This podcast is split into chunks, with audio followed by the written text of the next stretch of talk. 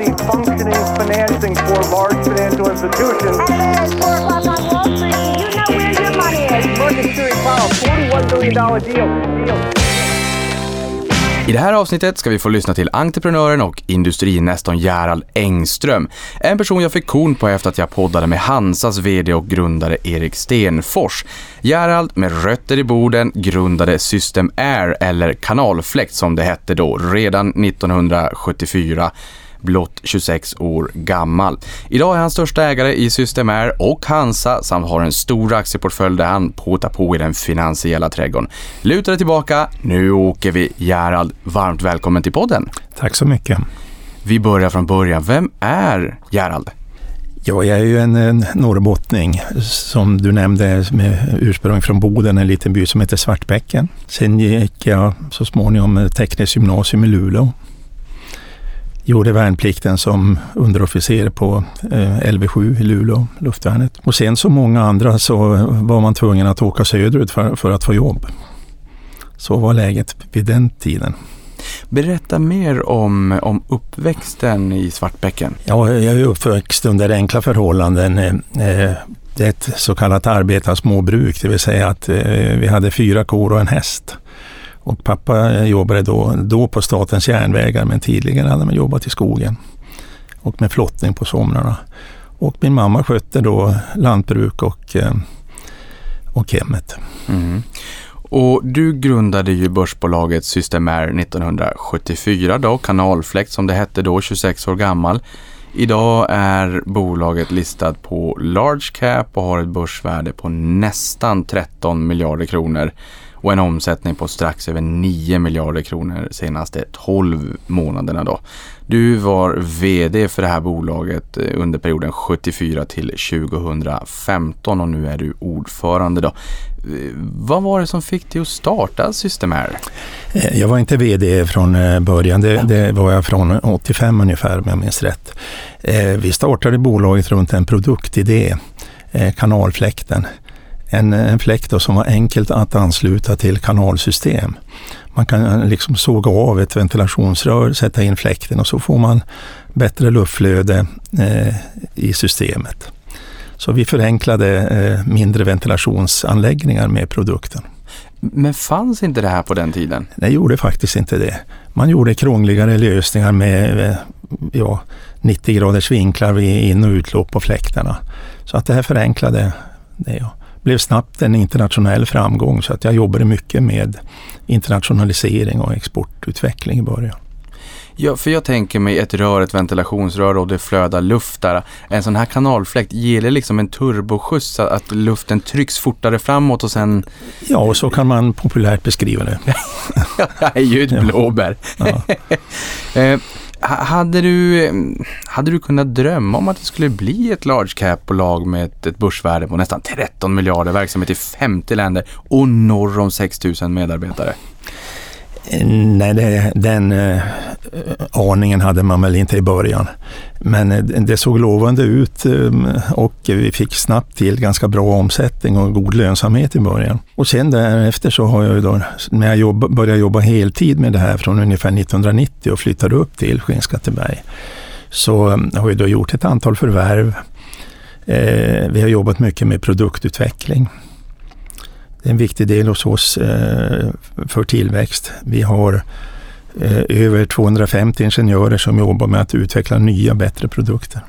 Men menar, du, du, säger som du sa, du kommer från enkla förhållanden, du har lärt dig att jobba hårt på gården. Jag kan tänka mig att du har gått om, om, om respekt för pengar, de fanns inte i, i, i överflöd. Hur, hur, kom du på den här idén eh, från första början? Menar, man vaknar väl inte upp på morgonen och känner att en kanalfläkt är det världen behöver? Nej, då, eh, det, historien börjar lite tidigare. Eh, jag sålde fläktar och fläktmotorer för två tyska tillverkare. Och ehm, eh blev, det gjorde jag redan som 22-21-åring tror jag. Och eh, när jag var 24 år så blev jag eh, erbjuden att bli chef för deras eh, första utlandsbolag i Sverige. Som då hette Sil EBM AB som ägdes av två eh, tyska familjeföretag som bägge har varit väldigt framgångsrika. Så att jag jobbade upp deras omsättning i Skandinavien, i Sverige, Norge, eh, Finland till ungefär 500 miljoner kronor från. Och det här var då en spin-off kan man väl säga från det. Vi, vi såg på ett tidigt stadium en kylfläkt till en IBM-dator. Det var på den tiden datorn var ungefär som en skrivbordshurts i storlek. eh, och eh, då behövde man en sån här fläkt för att kyla. Och, och, det var då liksom en annorlunda användning på en fläkt som gjorde att man fick till det här raka genomströmningen och högt tryck. Och då funderade vi på, kan man använda det där i ventilationssammanhang? Och då gjorde vi först eh, fyrkantig fläkt och det fungerade ju men eh, det var ju svårt att ansluta så att då gjorde vi runda anslutningar. Och på den tiden ville vi egentligen bara sälja fläktmotorer. Det var ju vår, eller min uppgift. Så vi pratade med ett antal svenska kända företag, till exempel Svenska Fläktfabriken, Lindab och någon mindre, om de inte skulle kunna börja tillverka kanalfläktar. Och alla tyckte det var en intressant idé, men ingen gjorde det. Och då vet jag hur det gick till när vi startade bolaget och sa, nej men då gör vi det själv. och på den vägen är det. och på den vägen är det. Men jag tänker, vad var det som gjorde att du blev intresserad av entreprenörskap? Jag, jag har nog alltid haft ett intresse av eh, teknik och affärer. Jag började då som ung ingenjör jobba som försäljningsingenjör och, och det, det, det var liksom kombinationen som tilltalade mig. Berätta lite mer om bolaget då. Vi har ju varit in på det lite grann, men vad, vad gör Systemair? En ganska omfattande verksamhet. Vi har väl idag Eh, 27 produktionsanläggningar fördelade på 20 länder.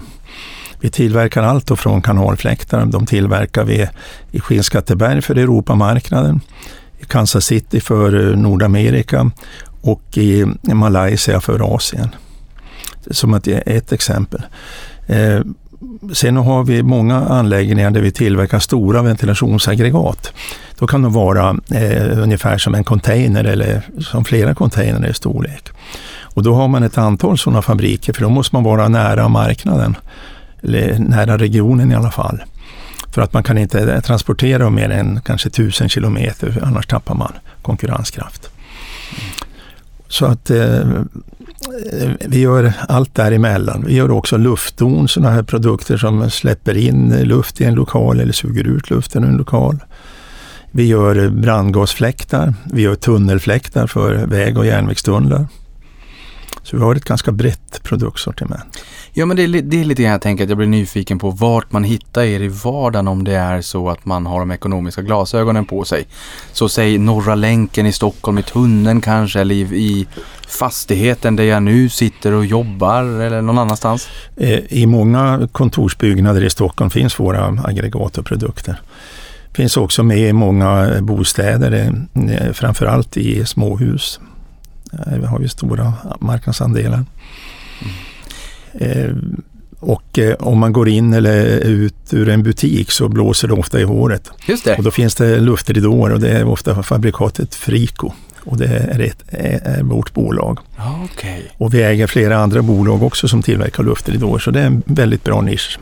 Ja, och nu får jag ta på mig dumstruten här. Men, men jag tänker mig kanske att det är kallt ute, det är höst eller vinter. Jag går in, det blåser ner varmluft. Är det för att man vill stå, hålla kallluften stången när, man, när dörrarna öppnas och man går in? Eller vad, vad, ja, vad? precis. Man, man, skapar en ridå som skiljer den varma luften från uteluften. Okay. Och, och, det fungerar eh, på, eh, bra på vintern, men den gör också nytta på sommaren om eh, man har airconditioning i lokalen och det är varmt utanför. så funkar den också fast tvärtom så att säga. Just det. Ja, vi är ju många som har varit utomlands när det har varit alldeles för varmt och man söker sig till första bästa butik och köpa någonting gott. Men där de har AC, eh, där det får vara lite svalt och, och, och skönt. Det pratas ju en del om energieffektivisering av fastigheter. Inte minst ur ett hållbarhetsperspektiv. Hur kan ni hjälpa till med det här? Eh, det gör vi ju varje dag genom att vi levererar produkter. Eh, de ventilationsaggregat vi levererar, alltså stora aggregat, har jag för mig, eh, om man räknar energibesparingen och omsätter det i koldioxidutsläpp så motsvarar det en minskning på 250 000 bilar ungefär oh, per år. Så att vi bidrar verkligen till, till bättre miljö. Men om man ska förklara det, hur man eh, sparar energi med ventilation Eh, man måste bygga lufttäta hus, byggnader för att de ska eh, dra lite energi. Och då har man skapat en, en termos. Därför måste man då ha ventilation till och från luft med energiåtervinning. Då sparar man eh, mängder av energi och man får bra inomhusklimat. Läcker svenska fastigheter mycket? Eh, beroende på eh, ålder och standard. Eh, alla nyproducerade fastigheter sedan åtminstone 25 år har sådana här system med energiåtervinning.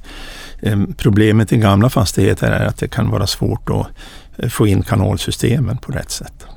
På tal om energieffektivisering, gamla fläktsystem kontra eran lösning, är det stor skillnad där och finns det en del pengar att spara som fastighetsägare för att, för att få upp driftöverskottet och helt enkelt få upp värdet på fastigheten också? Om man byter ut gamla eh, fläktanläggningar som ofta var eh, relativt eh, fläktar med dålig verkningsgrad, ofta remdrivna, mot eh, moderna eh, fläktar eller moderna ventilationsaggregat från oss med energibesparing. Och om man samtidigt gör andra åtgärder, täta fönster och så, så kan man ofta halvera energianvändningen i en byggnad. Det är ändå ganska mycket pengar det handlar om. För jag menar, här har vi ju sett energipriserna stiga ganska dramatiskt den senaste tiden. Inte minst efter Rysslands invasion av Ukraina. Har har den senaste tidens stigande energipriser haft en påverkan på er affär? Det är nog för tidigt att eh, säga, men generellt så borde det vara så. Och sen är det också så att eh, pandemin eh, har ju bekräftat nyttan att ha bra ventilation. Bra ventilationsanläggningar, alltså luftväxling, minskar risken för smittspridning betydligt. Ja, för det här är en intressant fråga. Men under pandemin så har varit, många har varit rädda för att flyga. Eh, samtidigt som man har hört andra röster som säger att flyga är det säkraste du kan göra för vi har XYZ-filter som renar luften etc. Eh, den här ökade medvetandegraden kring inomhusklimat eh, nu efter att vi har levt med den här pandemin och pratat om det väldigt, väldigt mycket. Det, det måste ju ha haft en rätt hygglig effekt för er. Eh, det har det och kommer att ha framöver under många år. Till exempel i eh, skolor till exempel så har, eh, det har man bra ventilation i, i, kan man säga, i Skandinavien. Men redan i Tyskland så har man knappt ventilation i skolan. Och där har man bestämt att man ska införa det. Och det innebär ju att eh, branschen har några riktigt bra år framför sig. Mm. Jag blir så nyfiken kring det här med, med inomhusklimat. Ehm, och, och hur pass viktigt det är och varför det är viktigt. För det känns som att Ja, vi, vi är alla medvetna om att det finns ett inomhusklimat. Det är ganska trevligt när det är varmt, när det är kallt ute och det är ganska trevligt när det är lite kallt och svalt inne när det är alldeles för varmt ute. Men vi har ju klimatanläggningar hemma och vi har luftfuktare och vi har luftrenare etc. Jag känner inte jättemånga som har det. Men, men jag har börjat fundera på det lite mer. Min respektive har lite problem med pollen och så har jag läst på. Det är bra att ha en luftrenare när det är pollentider och sådär. Eh, tänker vi alldeles för lite kring inomhus inomhusklimat hemma? Det tror jag faktiskt att man gör. I, ja, de nordiska länderna har faktiskt varit föregångare på det här området. Man forskar en hel del. Danmarks tekniska universitet är den ledande forskningsinstitutionen skulle jag vilja säga i kanske i världen på det här området. Och det finns då forskning som verkligen bevisar att eh, ja, bra ventilation eh, förbättrar inlärningen till exempel i en skola. Det är också en hälsoeffekt som vi redan har pratat om. Så att det är viktigare än man tror. Vart i, i världen hittar man er då? Hur ser det Systemairs geografiska mix ut? Ja, vi är ju eh, väldigt starka i Norge där vi är väldigt tydlig marknadsledare. Vi är också stora i Tyskland. Så att, eh, eh, och eh, vi är ju Nordamerika och går rätt bra. Storbritannien går bra. Holland går sådär. Varför går Holland sådär då? Ja, det är för att vi inte är tillräckligt duktiga. Okej. Okay. Är det en tuff marknad där det finns många Just, duktiga? Holland är ganska hårt konkurrensutsatt så där, där har vi lite tuffare. Just det. Men, och hur gör man då? Fokuserar man på, på att eh, breda ut sig ett i ett land där konkurrensen är väldigt tuff? Eller, eller skördar ni mera lågt hängande frukt i marknader där ni är starkare i dagsläget? Vi försöker nog satsa mera på eh, marknader där det är lättare. Ja. Eh, jag tänker också, nu pratar du om här att, att den här inomhusklimatet kanske inte har varit så viktigt i Tyskland men, men nu eh, kommer det bli desto mer viktigt. Ja, både av energiskäl och pandemiskäl. Nu tar ju Tyskland det här viktiga steget. Finns det andra marknader globalt där man inte alls tycker att det här är viktigt i dagsläget som kanske kunna, kommer kunna ge ytterligare potential för framtida tillväxt när de också rör sig mot att faktiskt ta den här frågan eh, på större allvar? Eh, USA tror jag är ett bra exempel på det. Där man i vissa delstater har ganska stränga krav men i de flesta har man, har man inga krav. Vi har ju pratat en del om hur ni har påverkats av pandemin. Det finns ju de positiva sidorna att man har ökat upp medvetandegraden naturligtvis men, men också negativa sidor med utmanande försörjningskedjor, flaskhalsproblematik, skyhöga fraktrater etc. Hur skulle du säga att ni kan navigera igenom den här terrängen just nu? Vi har ju haft alla de problem som du nämner eh, med eh, ja, dels eh, hög sjukfrånvaro på grund av eh, covid eh, och eh, ja, sådana saker som eh, att man var, var tvungen att glesa ut mellan arbetsplatser för att minska risken för smittspridning och sådana saker. Lägga in tid mellan olika skift. Så det har påverkat eh, produktivitet. Eh, sen så är det då försörjningskedjorna. Vi är ju beroende av halvledare som många andra. En modern fläktmotor innehåller halvledare, elektronik. Så att det har varit svårt att få tillräckliga leveranser på det området. Går det att säga någonting om hur många halvledare en, en sån komponent motor innehåller? Nej, det är inte så speciellt många men, men eh, det är brist på dem.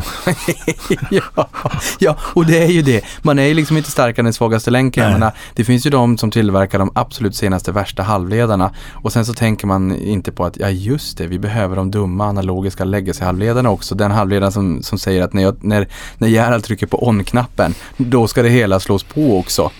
Ehm, så inte jättemånga, men om man saknar en, ja, då, blir det, då blir det ingen produkt. Nej, så är det. Vi har, vi har haft eh, komponentbrister och det gör ju då att man varulagernivåer ökar för att det fattas någon pryl för att göra en färdig produkt och leverera. Men, men skulle du säga det också att vi kommer att se generellt en ökad kapitalbildning framåt för att man, man håller mera välfyllda eh, lager Eh, Eh, lite grann som en effekt av att man har fått en, en liten näsbränna nu under pandemin och insett att det är inget roligt när det blir så här mycket stök och, och man har kunder som efterfrågar saker och ting men man inte kan leverera. Nu inte Systemair utan generellt. I Systemairs affärsmodell eh, ingår det egentligen att ha färdiga produkter på lager för omgående leverans. Eh, men det är klart att den här komponentsituationen gör att man bygger upp extra säkerhetslager och får högre kapitalbindning i lager. Vi tror väl att det ska minska lite grann framöver när situationen lättar men eh, jag tror nog att den kommer att ligga kvar på en högre nivå för att konsekvensen är väldigt trist att man inte kan leverera en produkt som kanske kostar 100 000 kronor för att det fattas en pryl som kostar 20 kronor. Ja men exakt. Och det, och det är det här jag tänker också att det kommer vara en, en förhöjd nivå av kapitalbildning, förhöjd nivå av, av lager efter det här för att man har insett hur viktigt det är. När, när du pratar med andra företagsledare i andra bolag, kanske i andra branscher, är det den gängse uppfattningen att många vill hålla lite mer? Ja, de är så illa tvungna att göra det. Så är det i de industriföretag som jag har lite insyn i. Mm. Och här blir det ju superintressant också med, med eh, försörjningskedjor etc. Du är ju största ägare i ett bolag då som heter Hansa. Erik Stenfors har vi hört här i podden tidigare. Vi kommer till det lite senare. Men koppla an till, eh, till just försörjningskedjor och ditt intresse, ditt engagemang där då. Men dessförinnan, eh, som jag förstår det så har ni ju haft exponering mot Ryssland. Vad har ni gjort? Hur, hur har ni navigerat igenom det? Och det är en väldigt tråkig situation med kriget. Fruktansvärt. Eh, vi har ju stoppat alla leveranser till Ryssland. Men vårt ryska bolag då, eh, finns kvar. Vi har dragit ner på bemanningen. Men eh, de får fortfarande betalt. Har du något hopp om att eh, den här fabriken och ert ägande ska finnas kvar? Det här är ju en jättesvår fråga naturligtvis. Jag tror att Många företagsledare kanske säkert känner sig uppgivna, men, men hur, hur går dina tankar i det här? Ja, vi avvaktar helt enkelt si- situationen hur den utvecklar sig. Just det, det går inte att säga så mycket då. Nej, vi kan inte, vi vet Nej. helt enkelt inte. Nej, nej. Har ni varit med om det någonsin tidigare? Nej, det här är helt unikt. Ja. Vi- Vilka är era kunder då och vad säger de just nu? Ja, våra kunder generellt är ju installatören då, som installerar ventilationsprodukter i system. Och det är då ofta en, ja, den tekniska installatören. I Sverige kan man väl säga är typiskt eh, Bravida, Instalco som då installerar våra produkter i sina anläggningar. Så det, det är våra slutkunder den, eh, och sådana företag då i alla olika länder. Men sen har vi indirekta kunder och det är konsulterna som då föreskriver vilka produkter som ska användas i systemet som bestämmer det och rekommenderar lösningarna. Så de, de jobbar vi också mot. Ja, för det här blir ju jätteintressant. Jag menar, det är ju klart att många bolag med starka varumärken, de vill gärna sätta sin logga så att den syns ganska tydligt, speciellt om det är konsumentrelaterade produkter och ha ett starkt varumärke och ha liksom den relationen med slutkunden på något sätt. Men jag menar, när jag kör igenom Norra länken eller nu när jag sitter och jobbar, ja i och för sig, det är faktiskt dumt. Jag, jag försöker spana på så mycket börsvarumärken jag bara kan och jag kommer säkert hitta eh, Systemair vid, vid många tillfällen, det är jag helt övertygad om. Men, men hur gör man för att förmå de här konsulterna att förstå nyttan och fördelen med just era produkter när de förskriver vilka produkter som ska sitta i kanalsystemen? Ja, det gäller ju att ha eh, bra produkter och det är därför vi satsar hårt på produktutveckling. Vi har fantastiska utvecklingscenter. Vi har väl nio stycken sådana på hög nivå i olika länder. Ett i Skinnskatteberg.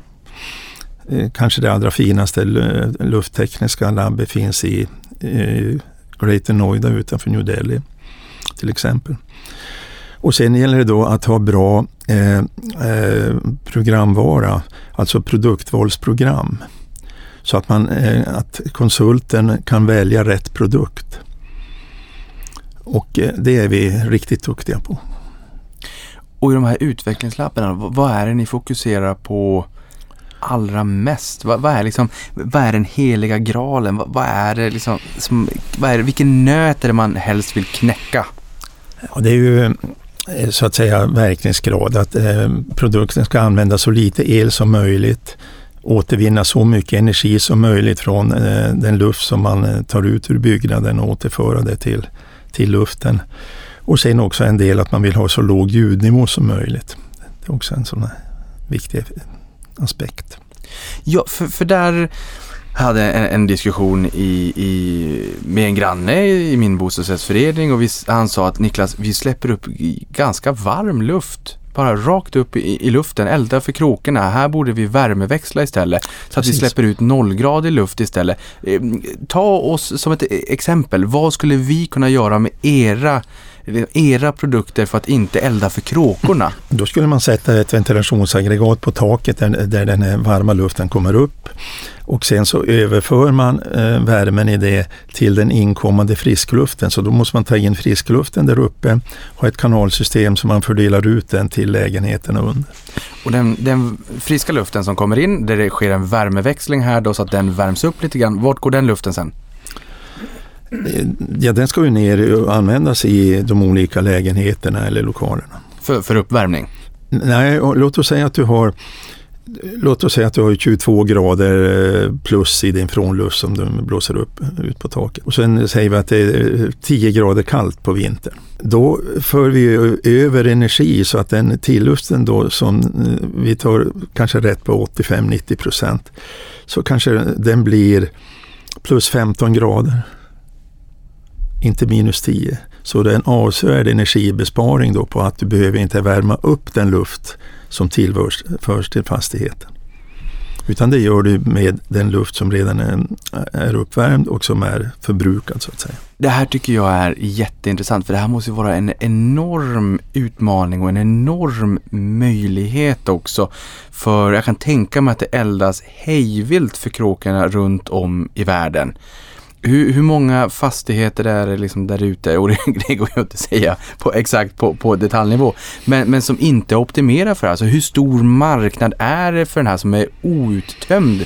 eh, outex- oexploaterad i dagsläget? Eh, Den är, den är stor eh, och eh, växande. På nyproduktion så kommer det med fler och fler länder att det här blir ett myndighetskrav. Ja, det, ja, ja, det är jätteviktigt och det har vi i Europa numera så är det i princip myndighetskrav på energiåtervinning. Vi var tidiga i Skandinavien. Och, och sen är det då befintliga fastigheter då, det måste ju då göras i samband med eh, en större renovering av fastigheterna. Men det kommer ju krav då eh, på att man ska genomföra det för att få ner energianvändningen. Problemet är ju bara att byggnaderna som, som redan finns, de står i hundra år. Så, så, så att det, det, det är ju ett stort projekt att eh, energieffektivisera alla, men det kommer nog steg för steg. Jo men säg man har ju en underhållsplan och någon gång så måste man ju ändå göra den här renoveringen och då kanske man vill försöka energieffektivisera effektivisera samtidigt då. Och jag tänker mig, finns det eller kommer det regulatoriska krav att eh, det här ska effektiviseras i befintligt fastighetsbestånd men ni har XYZ antal år på er jämfört med de som bygger nytt där kraven finns från dag noll eller dag ett så att säga. Eh, det kommer att komma krav. För jag menar för fastighetsägare eller bostadsrättsföreningar eller vad det än är, det här är ju hard cash också, det här är ju pengar. Nu har ju, har ju energi börjat kosta rejält med pengar. Incitamenten måste ju vara högre än någonsin. Ja, men det stämmer. Sen eh, så, ja, kombinationen bra ventilation med energiåtervinning och värmepumpar för uppvärmning. Det är något som jag tror mycket på. Vilka är de mest spännande omvärldstrenderna just nu skulle du då säga? Jag, jag noterade i er årsredovisning att ni pratar om energieffektivisering, digitalisering, hållbarhet och urbanisering samt ökat ekonomiskt välstånd. Vad, vad, finner du mest intressant? Energieffektivisering skulle jag nog vilja säga betyder mest för Systemair. Och, och där, som vi nu har varit in på, tänker jag mig att vi verkligen bara har skrapat på ytan. Ja, det finns otroligt mycket kvar att göra. Det finns stor potential och därför investerar vi också kraftigt i, i produktutveckling, i nya produktionsanläggningar. Vi har byggt tre stora anläggningar senaste året. Eh, just på tal om exempelvis digitalisering så lyfts det ju eh, i, ibland ord om proptech eller property technology. Finns det någonting här som är intressant för er? Har ni någon form av mjukvarulager eller är ni underleverantörerna av, av eh, enkom hårdvara? Ja, vi har ju eh, styr och reglerdelar på våra ventilationsaggregat. Eh, Men vi är inte inne på building automation eh, på samma sätt som till exempel Siemens och Johnson Control utan vi har då undersystemet som kontrollerar ventilationssystemen. Det kan vi, det står vi för. Mm. Och eh, nu har vi varit in jättemycket på det här, men en sista gång. Nu ser vi på fastighetssidan att vi har stigande inflation, vilket är bra för många kommersiella fastigheter naturligtvis när de har indexklausuler så att hyresintäkterna stiger i takt med inflationen. Kanske inte lika mycket på, på, på hyresbostäder för då har vi Hyresgästföreningen och där är det ju en, sker det ju i dialog naturligtvis. Men, eh, men lite grann bästa världar för kommersiella fastigheter fram till nu att finansieringskostnaderna börjar stiga. Så jag tänker mig att, att det är väldigt många som fokuserar nu på, ja men dels få ner finansieringskostnaden så mycket man kan, få upp kreditbetyg, ha lång kapital och räntebindning, men sen just den här energieffektiviseringen.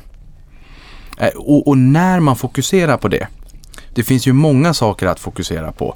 Det, menar, det är era produkter och lösningar, det är solceller och det är Eh, luftvärmepumpar. Det, det finns ju många olika sätt att, och energilager att effektivisera. Var skulle du säga att ni kommer i den värdekedjan? Alltså blir ni eh, är ni första påtänkta eller kommer ni en bit ner? Vart i, vart i de tankebanorna skulle du säga att era produkter kommer? Jag tycker att de eh, måste, eller kommer högt upp. Eh, Vi är ju inte inom uppvärmningsbranschen utan vi är inom ventilationsbranschen. Och eh, som är bevisligen, som jag nämnde tidigare, liksom väldigt viktig. Mm. Vad vill du ha åstadkommit och var vill du att bolaget ska vara den dagen du vänder blad då? Ja, vi är idag Europas ledande ventilationsföretag. Vi skulle väl gärna eh, fortsätta att växa så vi skulle kunna säga att vi kanske var världens största någon gång i framtiden. Ja, för det vet jag också att du har sagt tidigare att du eh, inte drömde men ändå tycker att så här, av naturliga skäl det skulle vara väldigt roligt att ni eh, någon gång skulle få, kunna äntra large cap. Ja, Nu är ni ju på large cap. ja det tycker vi är trevligt. Väldigt trevligt, det är bara att gratulera. Också väldigt roligt med, med svenska exportframgångar så som det här har blivit och kanalfläkten som du sa uppenbarligen, det här fanns ju inte Nej. när ni drog igång, det var inte ens påtänkt. Vi har ungefär 7 procent av vår koncernomsättning i Sverige idag. Just det, så att ni är ett utomsvenskt, ja men det är, får man unna sig att säga, säga ändå svensk exportsuccé då. Ja, absolut. Mm. Du är ju dessutom en flitig investerare med en portfölj som var värd nästan 9 miljarder kronor i slutet på förra året. Hur eh, hittade du till intresset för aktier och investeringar? För nu har vi förstått att du är driftig, entreprenöriell, men du gillar ju också aktier och investeringar. Ja, det här intresset har jag faktiskt haft sedan jag var ung. Mm. Och, och, och vart kom det? I, vi är uppväxta i samma ort. I min värld så pratade man inte aktier och investeringar. Och, och det var inte liksom, det var inte tabu. Men i min familj så pratade man det inte. Jag hittade det till orangea kuvertet, tyckte det var en fantastisk värld. Jag hade gärna hittat det ännu tidigare, det var någonstans i, i unga tonår. Det låter på dig som att du hittade det här väldigt tidigt. Hur hittade du till det här? Ja, det är väl ett... Äh, ja, jag läser mina eh, affärstidningar och, och eh, jag läser mycket om företag och så. Jag har ett intresse och då har jag haft ett aktieintresse också och försöker bedöma vilka företag som ja, ser lovande ut och eh, där man tror på kommer att utvecklas bra och därigenom få ökade, eh, ja, ökat börsvärde.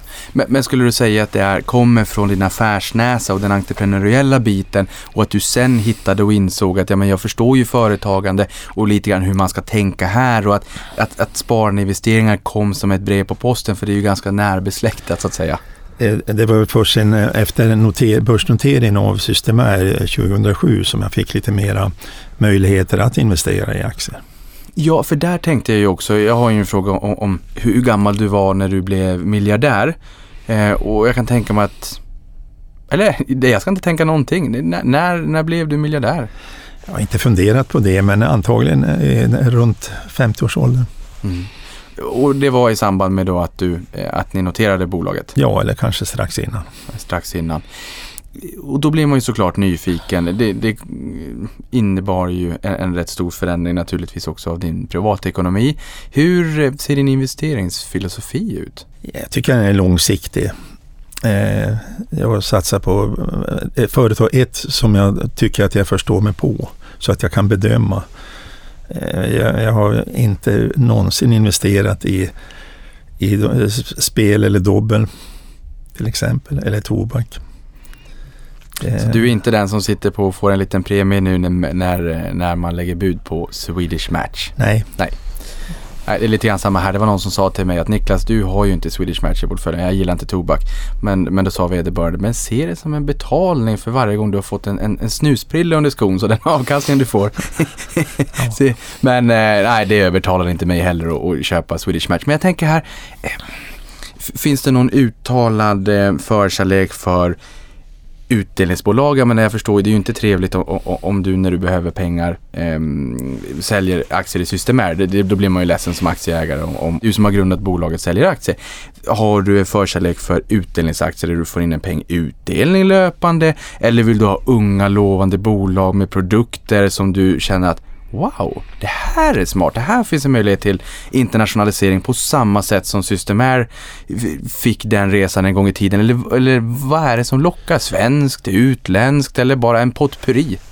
Eh, min aktieportfölj består framförallt av eh, svenska företag som jobbar internationellt. Jag har, köper inga eh, utländska aktier egentligen överhuvudtaget. Och många klassiska industriföretag och lite också klassiska eh, bank, banker. Eh, sen så kryddar jag väl portföljen då med kanske lite mindre innehav av, av eh, något lovande som man tror kan bli något. Så det har jag gjort emellanåt med ja, någorlunda framgång. Ja, och sen kan man säga på tal om det här med kassaflöde i din löpande ekonomi också. Ni har ju faktiskt en utdelning i Systemair. Så att du får ju en utdelning där varje år. Återinvesterar du den? I, i, i, liksom i aktieportföljen? Eller tar du ut den där och ger din löpande ekonomi en liten vitamininjektion? Att ni unnar er saker och ting? Eh, eh, Jag tror att vi unnar oss ovanligt lite. Mm. Jag är väl en av de få börs som aldrig haft en tjänstebil för att ge ett exempel. Men, men för här tänker jag någonstans, är det för att du kommer från enkla förhållanden och för att man har, med lite grann, och kanske de generationerna som är äldre än dig, men att man har kokat lite grann soppa på en spik och, och, och, och, att man har väldigt mycket respekt för pengar. Så kan jag känna där uppifrån, fast jag är ju eh, relativt ung, men när man hör äldre generationer, de som var födda på 20-30-talet, mycket, och det är inte du, mycket koka soppa på en spik, har det gjort att man har svårt att unna sig? Ja, det kan hända att min eh, enkla bakgrund eh, har gjort det.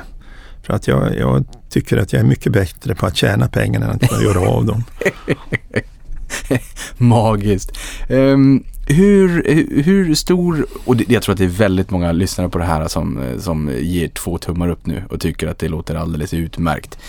Jag fick med en fråga från Twitter också där det var en person som menade på att det är en rätt stor andel av din aktieportfölj som utgörs av många bolag med ganska små portföljvikter. Finns det någon tanke där? Det är väl då att hitta de här eh, tillväxtaktierna eh, nya områden. Där jag då försöker bedöma om det är saker och ting som jag tror på. Och då har du liksom doppat tårna. Om du ser och läser på ännu mera och, och då kan du fylla upp i de där så att säga. Det kan jag göra eller också säga om, jag, om de går upp så kanske jag säljer dem. Vad får du att sälja? Jag tycker det är fantastiskt svårt att veta när man ska sälja om man har hittat ett bolag man, man har kärat ner sig i. Det finns ju bolag som jag haft i aktieportföljen i- sedan urminnes tider. Och så finns ju sådana som är relativt nya. Och då kan man väl eh, tycka att om man har fått en viss avkastning eller har fått en, en ordentlig uppgång så kan det vara läge att sälja. Sen får man väl se om, det, om, man, eh, om de går ner i pris så kanske man köper dem igen eller också så gör man något annat. Om vi spanar in portföljen så bestod den i slutet av förra året av Systemair. Där har du ju grundat Systemair och är ju eh, största ägare, ordförande idag. Sen har vi Hansa där du också är största ägare. SAS, AB Volvo, nu får man ju säga AB Volvo här, det är ju tunga fordon, inte Volvo Cars då. Och sist men inte minst Nordisk Bergteknik. Eh, 42,6 procent av Systemair och 23,91 procent av Hansa. Och de här investeringarna har gjorts via ett bolag som heter Färna Invest AB. Vad är det? Ja, det är mitt ägarbolag. Eh, Jag bor ju i den lilla orten Färna och min fru driver Färna herrgård och spa. Som är ett eh, ja, fint herrgårdshotell med eh, väldigt god mat och ett fint spa. Okej, berätta mer om det. Jag tänker för de som lyssnar på det här och känner att man ehm, att det kanske lockar lite grann, man vill komma förbi och sen så kanske man önskar och hoppas på att man, man spanar in dig någonstans och man vill tugga lite aktier. Eh, Jag bor ju i närheten så att eh, jag syns ju där och ibland hjälper jag min fru i trädgården. Eh, nej, det är en gammalt, eh, eh, alltså eh, herrgård från järnbrukstiden. Eh, och idag så är det 70 moderna hotellrum. Stor fin park, fantastisk natur runt om, fina promenadslingor 2,5, 5 och 7 kilometer. Man kommer till Utterdalens naturreservat som är fantastisk urskog, helt orörd skog. Så att det, det finns mycket att göra där. Så finns det Bergslagen med sjöar och, och skog. Just det, för de som har sett reklamen, det är väl Loka där i Bergslagen va? Ja, det är lite längre bort, Lite några längre mil bort. till. Just det. Det låter väldigt trevligt. Berätta mer om de stora innehaven då. Systemair är ju av förklarliga skäl eh, det största innehavet. Ehm, men om vi tar Hansa då, vad var det som, som lockade där? För vi pratade om Hansa här i början och jag menar de här utmanande försörjningskedjor och komponentbrister etc. Var det det som gjorde att du fick upp ögonen för Hansa eller, eller hur hittade du till, till, till den här kontraktstillverkaren? Ehm, det var väl så eh, att eh, de gjorde en nyemission där jag var erbjuden att vara med. Och ehm, sen, först garanterade en emission och fick inga aktier och sen var jag med i en nyemission. Och sen så har jag varit med och satsat för jag tror väldigt mycket på företaget och affärsmodellen. Ehm, man har det här klustret att man då skapar eh, ett antal specialiteter på varje plats. Vi har ett kluster i Värmland, ett i Tartu i Estland, där man då har tunnplåtstillverkning, kablage, elektronik, montering. Och tack vare att man kan göra olika saker så kan man då tillverka kompletta produkter eller halvfabrikat för andra företag. Och man får ner transportkostnader, man får ner ledtider, man får en betydligt lägre miljöbelastning. Så att eh, affärsmodellen är, tycker jag, väldigt stark. Och det har också utvecklats, anser jag, vuxit fantastiskt snabbt. Ja, och jag kan tänka mig att många bolag också har blivit varse om vad det kostar när verksamheten och produktionslinjer står nere på grund av kanske den här sista halvledaren som vi pratade om för en stund sedan, för en 20. Ja, eller eh, att det är 3000 fartyg som väntar på att lasta och lossa i Shanghai. Ja, herregud. Närmare 300 miljoner människor totalt under hel eller Ja, delvis part- Så lockdown. det, det har ju då stört leveranskedjor och, och det är klart att många inser att eh, man ska ha produktionen närmare. Men, men tror du också att om man då har produktionen närmare kan, kan vi få se en innovationsvåg? En, en renässans för industri 4.0 och robotisering och automatisering för att, inte, för att få ner lönekomponenten? Det, det är redan på gång, det pågår för fullt. Ja, spännande. SAS då? Ja, det är ju lite gamla synder. Jag tyckte väl då för ett antal år sedan att eh, SAS var ganska lågt värderat. Om man jämförde med amerikanska flygbolag så var det avsevärt lägre värderat. Och eh, tyckte också en styrka, dels att det är ett nätverksbolag. Vad var det man, man flög? Vad var det, 30 miljoner passagerare, något sånt där. Och man kan väl tycka då att det vore rimligt att de tjänade 100 kronor per eh, passagerare. Ja. Men, men, men det gjorde man inte, men jag tyckte potentialen fanns där.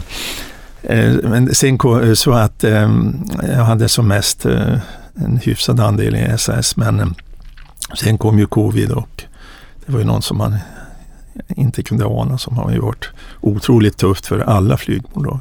Ja, verkligen. Just precis som du säger. Det här var en investering du gjorde innan pandemin Ja, och, och ingen hade någonsin kunnat ana eh, vad som komma skulle. Eh, men du var ju en av de största ägarna i SAS. Eh, När man tittar på ägarlistan så ser man svenska staten, danska staten, Wallenbergarna, Vanguard och sen dyker ett bekant namn upp. Gerald Engström, femte största ägare. Ja, men det var ju ändå inte så mycket i pengar. Men någonting jag tänker på där det är ju att SAS VD äger inga aktier alls. Hela ledningen, hela koncernledningen skrapar ihop en halv miljon kronor tillsammans. Det här föranleder ju mig att fundera lite kring hur viktig du tycker att pilotskolan är. Och jag ska inte tvinga dig att kommentera SAS, men, men generellt, hur viktig tycker du att pilotskolan är? Jag tycker att det är viktigt att eh, VD och koncernledningen har ett ägande. Det är klart att det stimulerar till ännu bättre insatser. Sen i SAS-fallet så tycker jag det är väldigt bra att dels att man har fått in några styrelsemedlemmar med flygerfarenhet, flygbolagserfarenhet och även en eh, VD numera som har eh, varit chef för flygbolag. Just det, och jag tror att jag var väl sist i världen med att läsa den här boken av Jan Karlsson, Riv pyramiderna, men jag tyckte att den var fantastisk. Jag tror att den kom på 80-talet. Ja, jag har läst den. Ja, den, den, den var ju på många sätt och vis kanske självklar. Kanske inte på den tiden och i den kontexten och kanske inte heller idag. Men i bolag som jag jobbar för så tycker jag ändå att det sättet är självklart. Men den var verkligen upplyftande och, och den, den, man fick energi av den boken. Tror du att någonting sånt där skulle kunna funka idag för att få igång och få mera energi och kunna vända ett SAS? Det är svårt för mig att bedöma men eh, eh det skulle ju behövas eh, lite bättre samarbete där som man uppfattar det mellan, mellan eh, fackföreningar och eh, företagsledning. Mm. Där tycker jag det brister avsevärt. Jag har noterat att om du någon gång åker upp till Norrbotten igen så har Ryanair börjat flyga till Kallax. Ja, Den såg jag inte komma. Inte jag heller.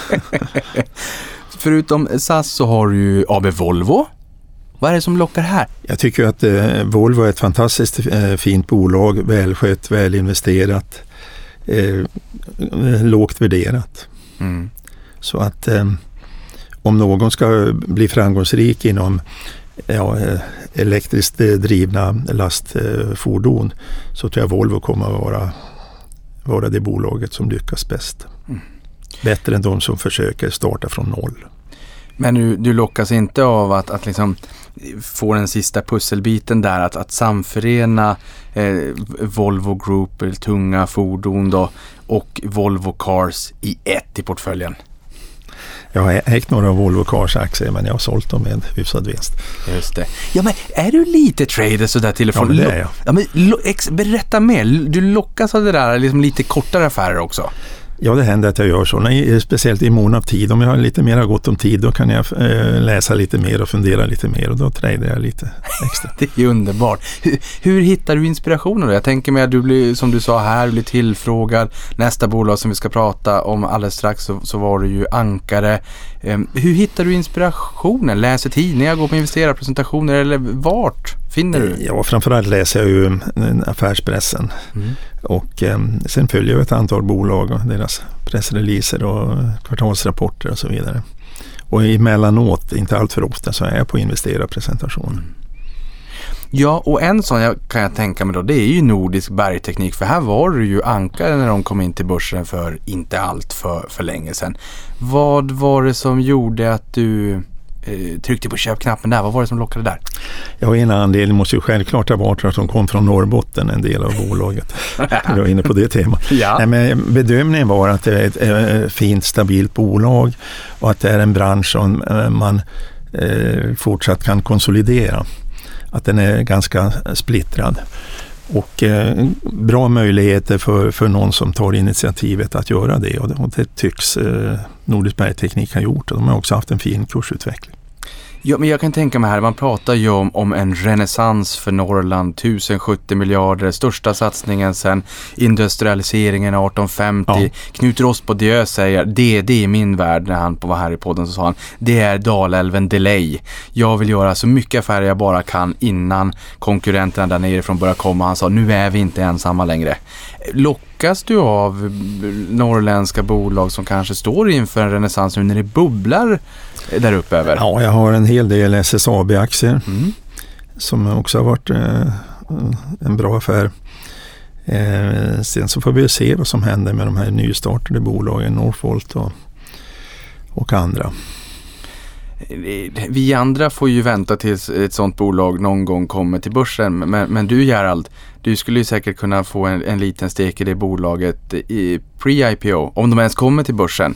Jag har inte funderat på det och jag, jag har fullt upp med, med det här så jag vill inte engagera mig mer än saken jag redan har. Jag förstår. Hur viktigt är det med bra företagskultur då? Och vad är i din värld bra företagskultur? På Systemair har vi eh, jobbat väldigt mycket med vår företagskultur sedan ja, över 20 år, kanske 25 år. Och eh, det börjar väl egentligen med att eh, med enkelheten, den raka vägen. Man ska göra allting så enkelt som möjligt. Det är en del i vår företagskultur. Också klarspråk, att man, man är tydlig vad man vill och, och ja, in, in, internt, att man har en tydlig kommunikation mellan kollegor. Några exempel. Så att det där har vi då utbildat eh, all vår personal eh, i alla våra länder har kunskaper om våra värderingar. Så vi har värderingar som styrmedel. Vi har inte en stor regelbok. Ja, och ni är ju ett stort bolag. Så vi pratade om det här i början av podden, över 6 000 medarbetare. Hur gör ni för att bibehålla era medarbetare över tid då? Ja, det är ju eh, genom att vi har vår, är ett tillväxtföretag och växer med till minst 10 procent per år i genomsnitt så skapar det ju alltid nya möjligheter. Man man får nya arbetsuppgifter, större arbetsuppgifter, kanske kan, kan jobba på bolag utomlands. Eh, rätt stort utbyte mellan bolagen. Det är en metod. Sen mycket internutbildning, också en viktig del. Och sen har vi kul på jobbet. Jätteviktigt att ha kul på jobbet. Kan, eh, kan du berätta om något eller några misstag som du har gjort efter vägen då? Eh, och som har varit en god lärpeng för dig under livet? Jag har varit med och gjort många företagsförvärv och eh, de flesta har blivit bra. Men det är ju några som inte har gått helt enligt plan. Och, och, och, kan du säga någonting om varför? Finns det någon röd tråd kring när det inte har gått bra? Det var så här kultur som har, har krockat eller finns det någon sån här, det här, för alltså, företagsförvärv, du har gjort många. Ett, väldigt många genom åren som jag har förstått. Och, och, och det är säkert jätteenkelt att eh, köpa ett företag och kroka under ett avtal. Men, men att integrera det där liksom, och gifta ihop det, det är inte lika enkelt va? Ja, det är sen man har skrivit på avtalet som jobbet börjar. Exakt. Och eh, när vi har då inte varit fullt så framgångsrika har det varit när vi har varit utanför huvudspåret ventilation. Om vi har varit i ytterkanten på, på så att säga vårt verksamhetsområde, då är det svårare att lyckas.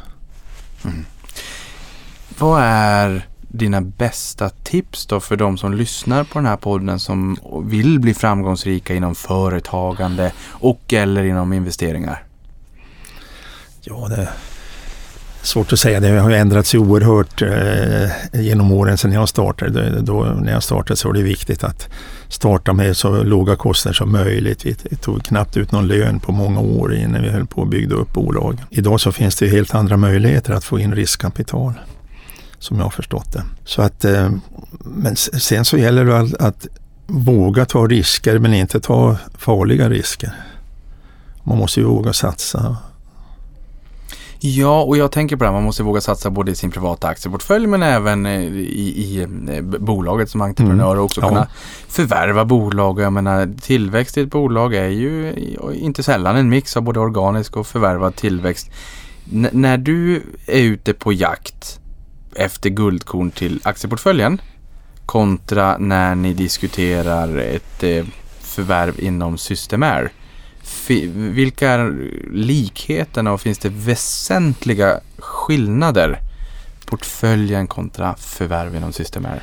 Jag tycker nog att det är ganska stor skillnad på det. Mm. Eh, förvärv, då är det ju alltid en, en långsiktig plan. Mm.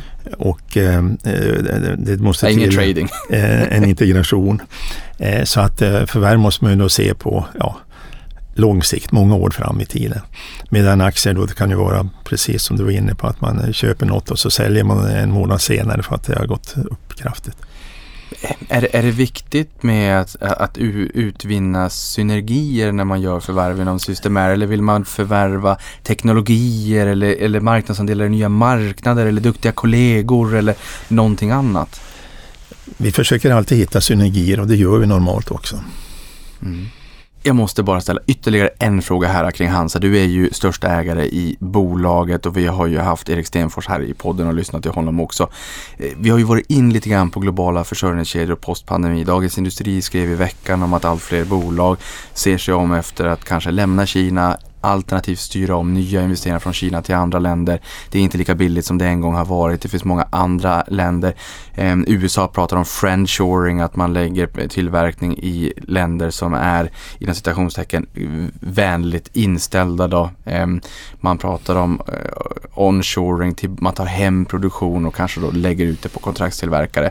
Eh, här sa du ju att vi ser redan en våg kring att ta hem produktion, lägga ut produktionen, industri 4.0, robotisering, automatisering. Men, men kan vi tömma ut det här lite, lite mer? Vad, vad säger bolagen där ute? Det känns som att det här är, borde ju vara en jättetrend post-pandemi. Men eh, eh, det är det också, det, det pågår och eh, mycket av eh, tillväxten har ju skett i Östeuropa. Där har man ju byggt upp väldigt mycket underleverantörer av olika slag. Och, eh, men eh, med tillräcklig automatisering och robotisering så, så kan även Sverige få fortsatt tillväxt tack vare eh, ja, att man flyttar hem produktion. Ja, för, för det jag tänker på, den äldsta årsredovisningen som jag enkelt hittade på er hemsida Systemair var från 2012-2013, över brutet räkenskapsår. Där du pekade på den starka kronan som en motvind. Nu är ju kronan väldigt svag just nu. Hur, hur påverkar det här er? Inte så mycket. Men eh, vi brukar väl säga eh, att en svag krona är svagt positivt för oss. Eh, det är väl tumregeln. Men i, idag så den svenska marknaden är ju en mindre del för oss. Det är ungefär 7 procent av koncernomsättningen som hamnar, blir kvar i Sverige. Eh, så, men det är klart valuta kan vara ett problem då med svaga valutor. Vi har en ganska stor verksamhet i Turkiet och turkiska liran, det är ju inte kul liksom. Nej, det är ju inte kul. Hur sjuttsiken får man det att gå ihop? Jo, men man, man offererar i euro och sen vid eh, fakturatillfället så fakturerar man i turkiska lira.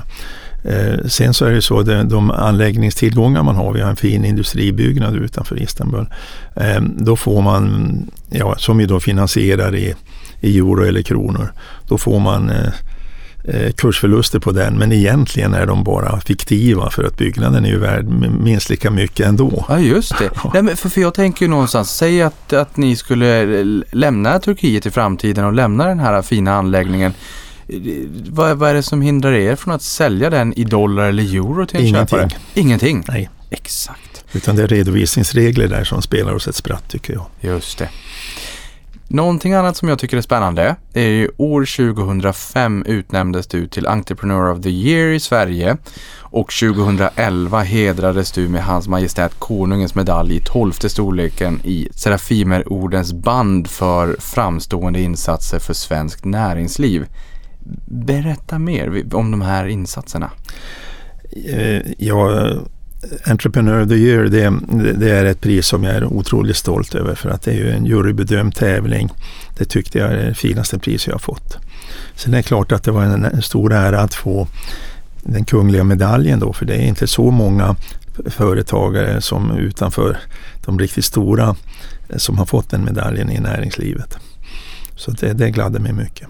Ja, det förstår jag. Och, och jag menar, vad, eh, vad var juryns motivering här? Jag menar, så, som vi har lyssnat här till podden, du, du började ju lösa problem redan som, som ung grabb och har ju vigt hela ditt liv åt det här och företagande och lösa problem och, och få ut den här kanalfläkten som var banbrytande globalt och exportera den här ut i världen.